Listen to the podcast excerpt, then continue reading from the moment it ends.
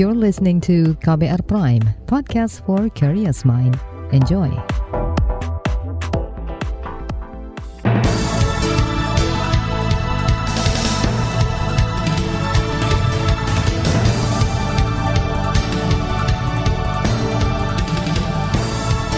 Selamat pagi saudara, senang sekali kami bisa menjumpai Anda kembali melalui program Buletin Pagi edisi Kamis 14 Juli 2022 bersama saya Naomi Liandra.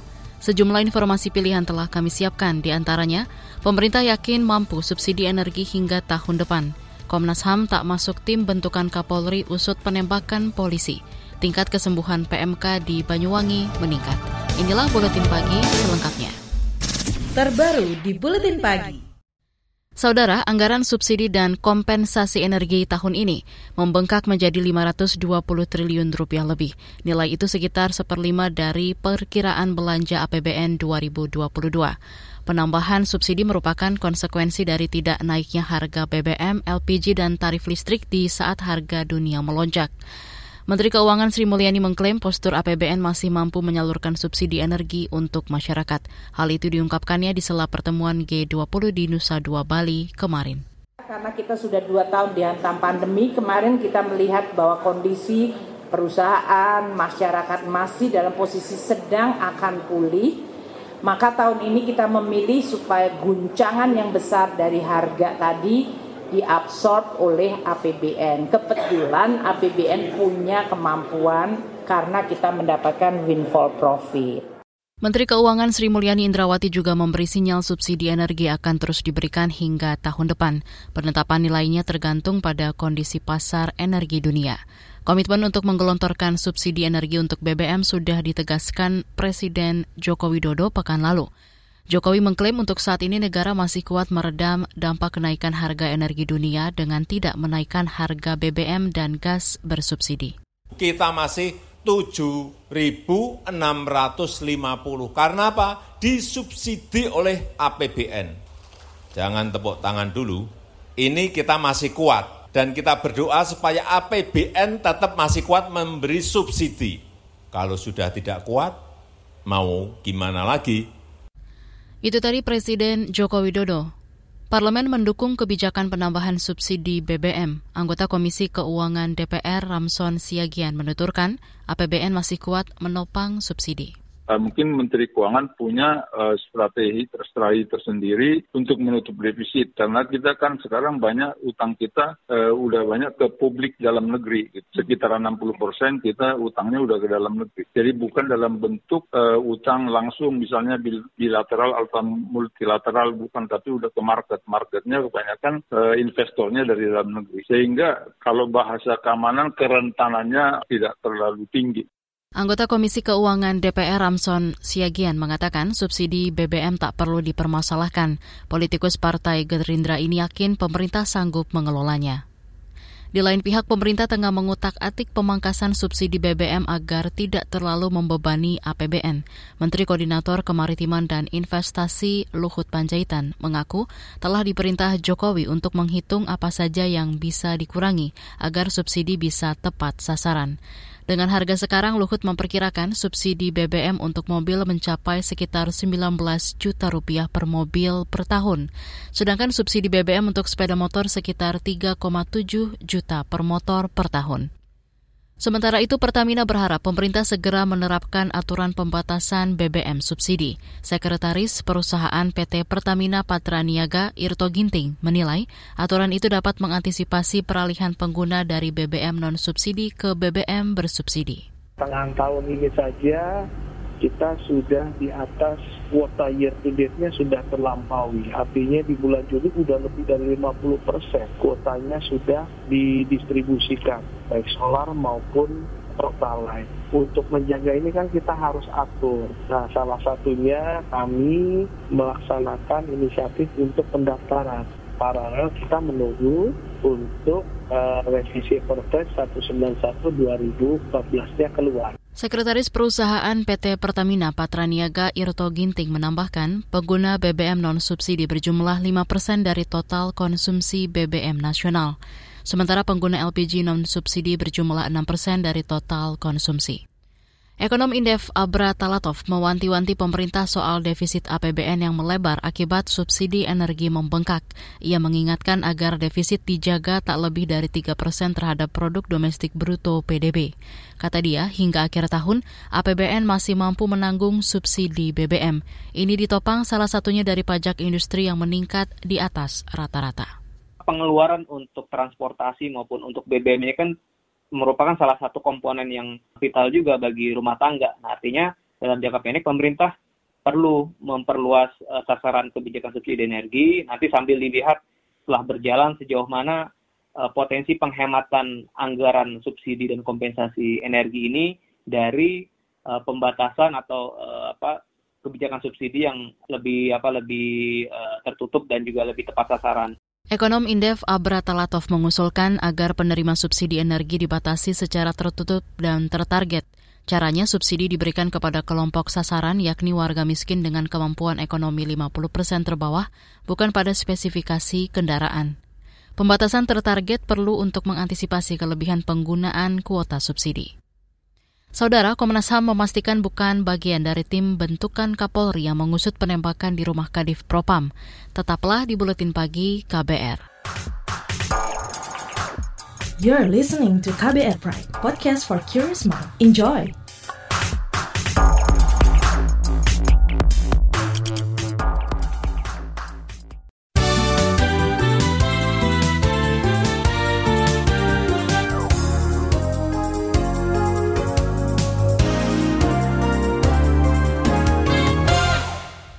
Anda sedang mendengarkan buletin pagi KBR.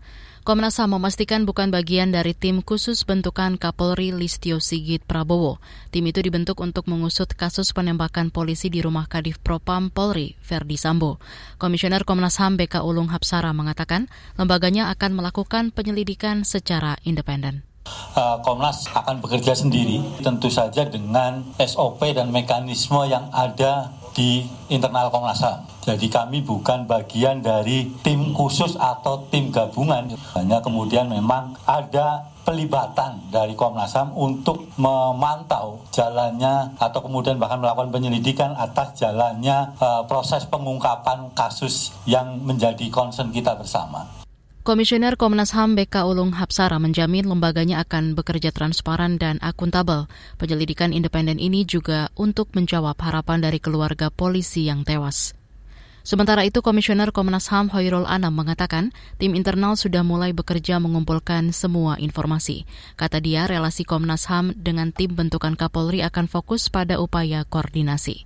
Sebelumnya, Kapolri membentuk tim gabungan internal dan eksternal untuk mengusut tuntas kasus penembakan di rumah dinas Kadif Propam Polri, Verdi Sambo. Insiden yang terjadi pekan lalu itu menewaskan polisi Brigadir J. Satgas Penanganan COVID-19 mencatat kenaikan kasus positif mencapai lebih 3.000 per hari pada 12 Juli kemarin. Angka itu enam kali lebih banyak dibanding sebulan sebelumnya. Wilayah Jawa dan Bali menjadi penyumbang kasus positif harian terbesar yakni lebih 95 persen. Berikut pernyataan juru bicara Satgas COVID-19 Wiku Adhisa Smito. Selanjutnya, yang penting untuk dilakukan juga adalah vaksin booster Sayangnya, perkembangan vaksin booster cenderung stagnan, dengan cakupan tertinggi berasal dari Bali mencapai 58 persen, disusul Provinsi DKI Jakarta, Kepulauan Riau, Daerah Istimewa Yogyakarta, Jawa Barat, Kalimantan Timur, namun belum mencapai 50 persen. Bahkan 28 dari 34 provinsi di Indonesia cakupannya masih di bawah 30 persen. Juru bicara Satgas COVID-19 Wiku Adhisa Smito mengingatkan reinfeksi bisa terjadi meski sudah disuntik booster. Ke informasi haji. Proses pemulangan jemaah haji akan dimulai Jumat besok. Sebanyak enam kloter terbang akan pulang ke tanah air, yakni dari Jakarta, Pondok Gede, Padang, dan dua kloter dari Solo serta Jakarta, Bekasi. PLT juru bicara Kementerian Agama Wawan Junaidi meminta jemaah untuk mempersiapkan diri. Dengan akan dimulainya masa pemulangan jemaah haji Indonesia ke debarkasi masing-masing, pemerintah kembali menghimbau beberapa hal sebagai berikut.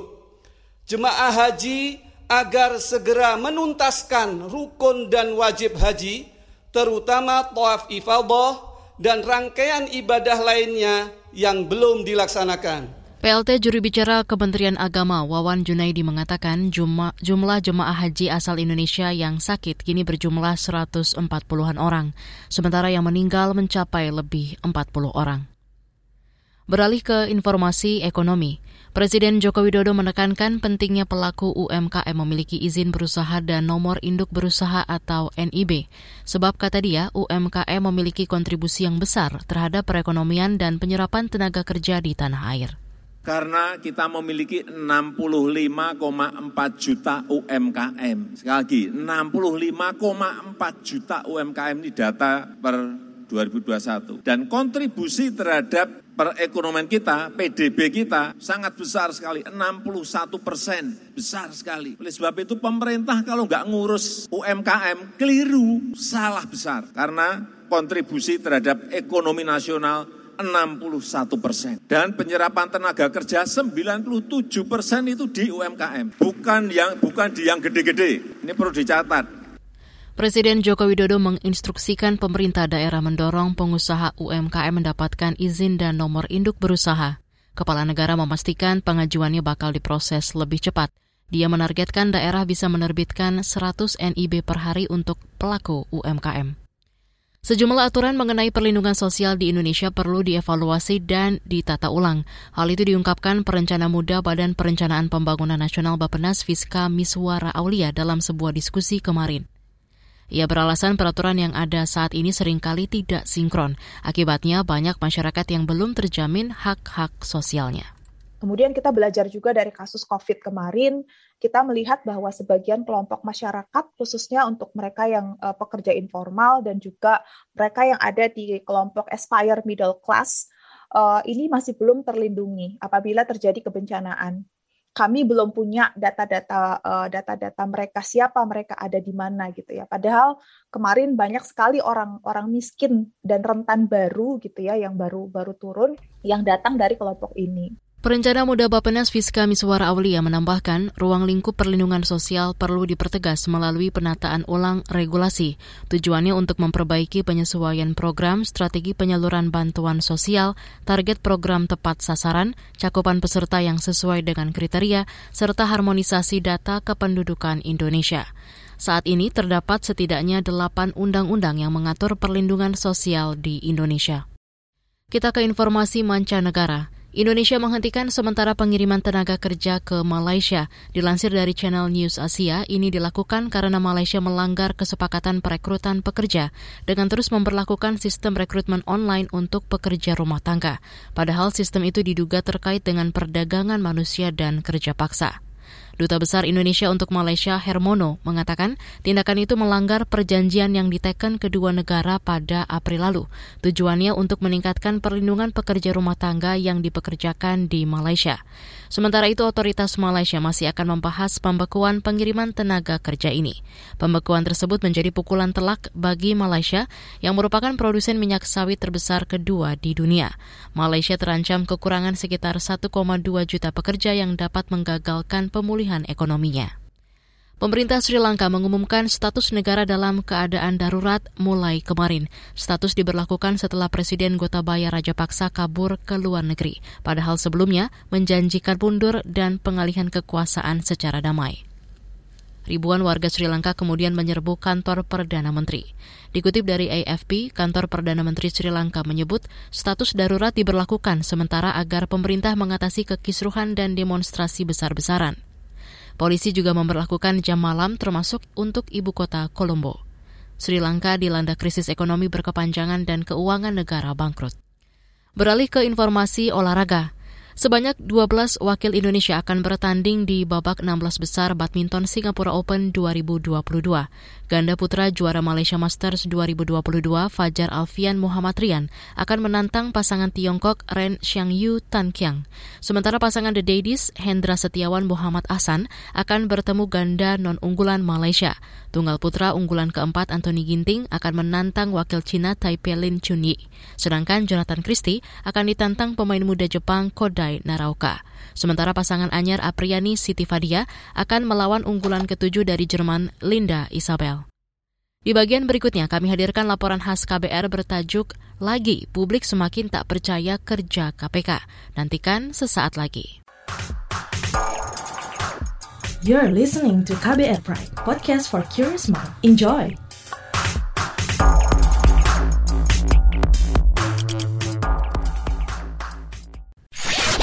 Commercial break.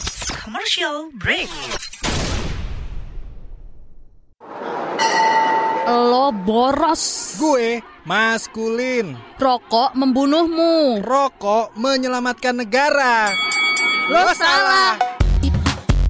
Perdebatan yang sengit antar keduanya tidak pernah selesai dari zaman kereta roda 3 sampai kereta listrik. Dan inilah debat sebat. Membahas fakta dan mitos yang ada di balik sebungkus rokok. Dengarkan podcast Debat Sebat di KBR Prime, Spotify, dan semua platform mendengarkan podcast lainnya. Diproduksi KBR Prime, podcast for curious minds.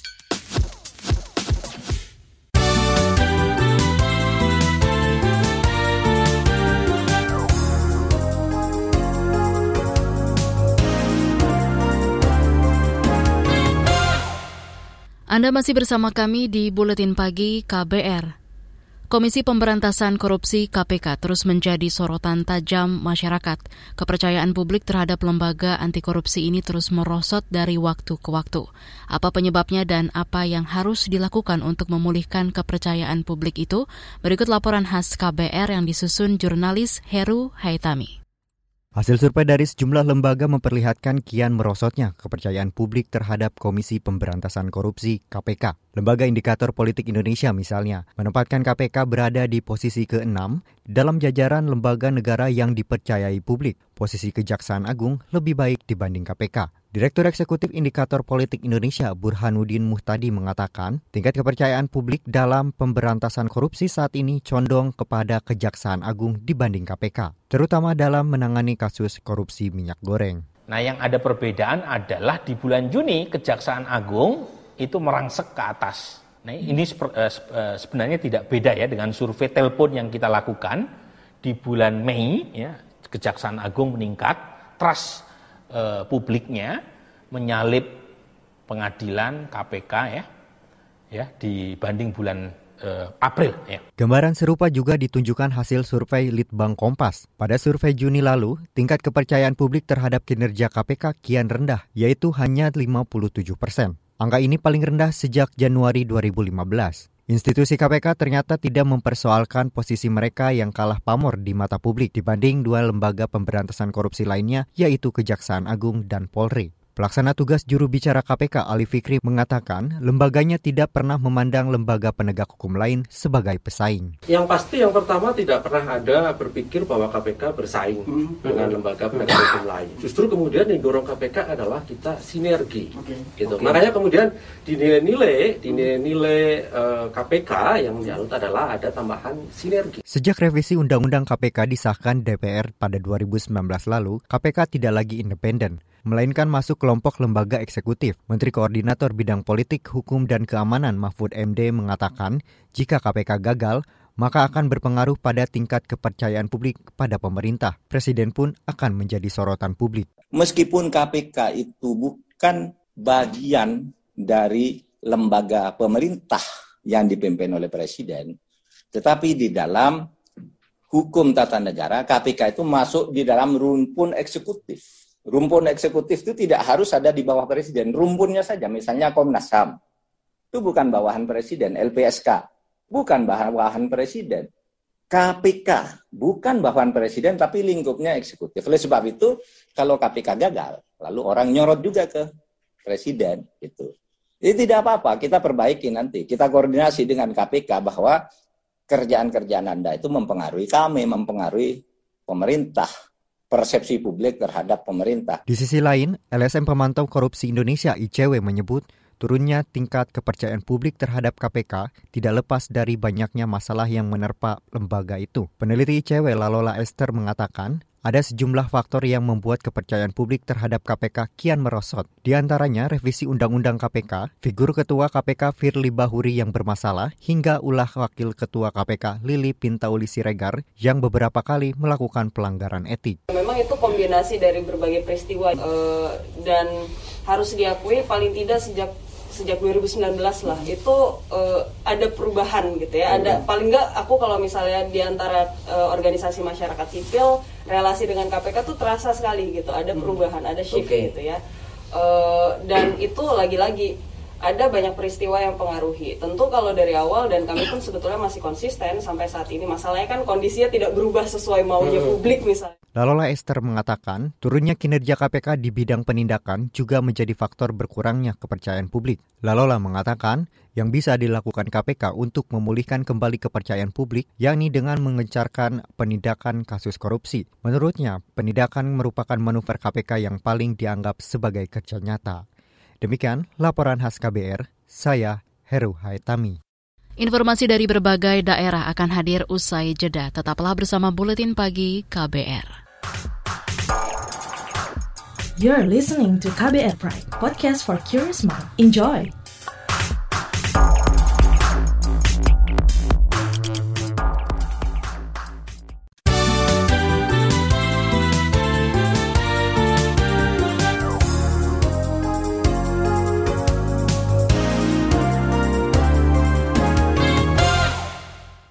Inilah bagian akhir buletin KBR. Polda Papua mengirim tiga kompi Brimob Nusantara ke Kobakma, ibu kota Kabupaten Mampiramu Tengah. Situasi di wilayah itu sempat bergejolak pasca unjuk rasa warga akhir pekan lalu. Kapolda Papua Matius Fahiri mengatakan penambahan pasukan Brimob itu untuk memberikan rasa aman kepada warga setempat. Kami Polri telah menyiapkan langkah-langkah pengamanan ekstra kami berharap situasi Mamberamo Tengah itu bisa berjalan normal. Kami tidak mau ada hal-hal yang terjadi yang berakibat pada uh, ketidakstabilan daerah Mamberamo Tengah. Dan apabila nanti ada memerlukan tambahan, kami akan kirim. Kapolda Papua Matius Fahiri juga mengirim empat pejabat utama Polda Papua ke Mamberamo Tengah untuk mengevaluasi situasi di sana. Akhir pekan lalu, warga Mamberamo Tengah berunjuk rasa meminta kepastian status hukum terhadap Bupati Riki Hampagawak. Dia terseret dugaan suap yang kini ditangani Komisi Pemberantasan Korupsi. Kita ke Kalimantan Timur. Kota Balikpapan ditetapkan menjadi zona merah COVID-19. Ini seiring ditemukannya enam kasus COVID-19 varian BA5. Kepala Dinas Kesehatan Kota Balikpapan, Andi Sri Juliarti mengimbau warga waspada meski belum ada pembatasan kegiatan. Kami mohonkan kewaspadaan masyarakat untuk benar-benar disiplin menerapkan protokol kesehatan terutama pemakaian masker. Dari sejumlah 67 kasus, kami telah mengirimkan spesimen untuk diperiksa jenis varian virusnya. Sejumlah 15 spesimen WGS. Ada 6 yang positif varian virus BA5. Kepala Dinas Kesehatan Kota Balikpapan Andi Sri Juliarti menjelaskan 6 kasus varian BA5 tengah menjalani isolasi mandiri. Kondisinya bergejala batuk, pilek, demam, dan sakit tenggorokan. Bergeser ke Jawa Timur, angka kesembuhan sapi yang terinfeksi penyakit mulut dan kuku PMK di Banyuwangi terus meningkat. Kepala Bidang Kesehatan Hewan Dinas Pertanian dan Pangan Banyuwangi, Nanang Sugianto mengatakan angka kesembuhan mencapai 26 persen atau lebih dari 2.900 kasus. Kalau kasus masih ada terus, cuma laporan beberapa hari terakhir agak menurun. Itu kasus laporan kasus di lapangan mulai menurun yang sudah sembuh ini sekitar 26,4 persen. Artinya masih ada 72 persen yang masih dalam keadaan sakit. Tapi dalam artian ini, yang sakit ini bukan berarti belum sembuh, sudah membaik kondisinya, dikarenakan kita masih uh, investasi virus kan antara 14 sampai 21 hari. Kepala Bidang Kesehatan Hewan di Dinas Pertanian dan Pangan Banyuwangi, Nanang Sugianto menambahkan, pelaksanaan vaksinasi PMK terus digencarkan. Banyuwangi mendapatkan jatah total 5.800 dosis vaksinasi PMK dari Pemprov Jawa Timur. Sejauh ini, sapi yang divaksinasi mencapai 5.300-an ekor. Informasi tadi menutup jumpa kita di Buletin Pagi hari ini. Pantau juga informasi terbaru melalui kabar baru, situs kbr.id, Twitter kami di akun @beritaKBR, serta podcast di alamat kbrprime.id. Akhirnya saya, Naomi Liandra bersama tim yang bertugas undur diri. Salam.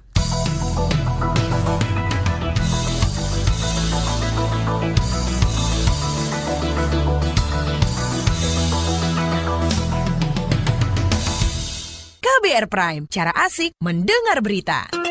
KBR Prime, podcast for curious mind.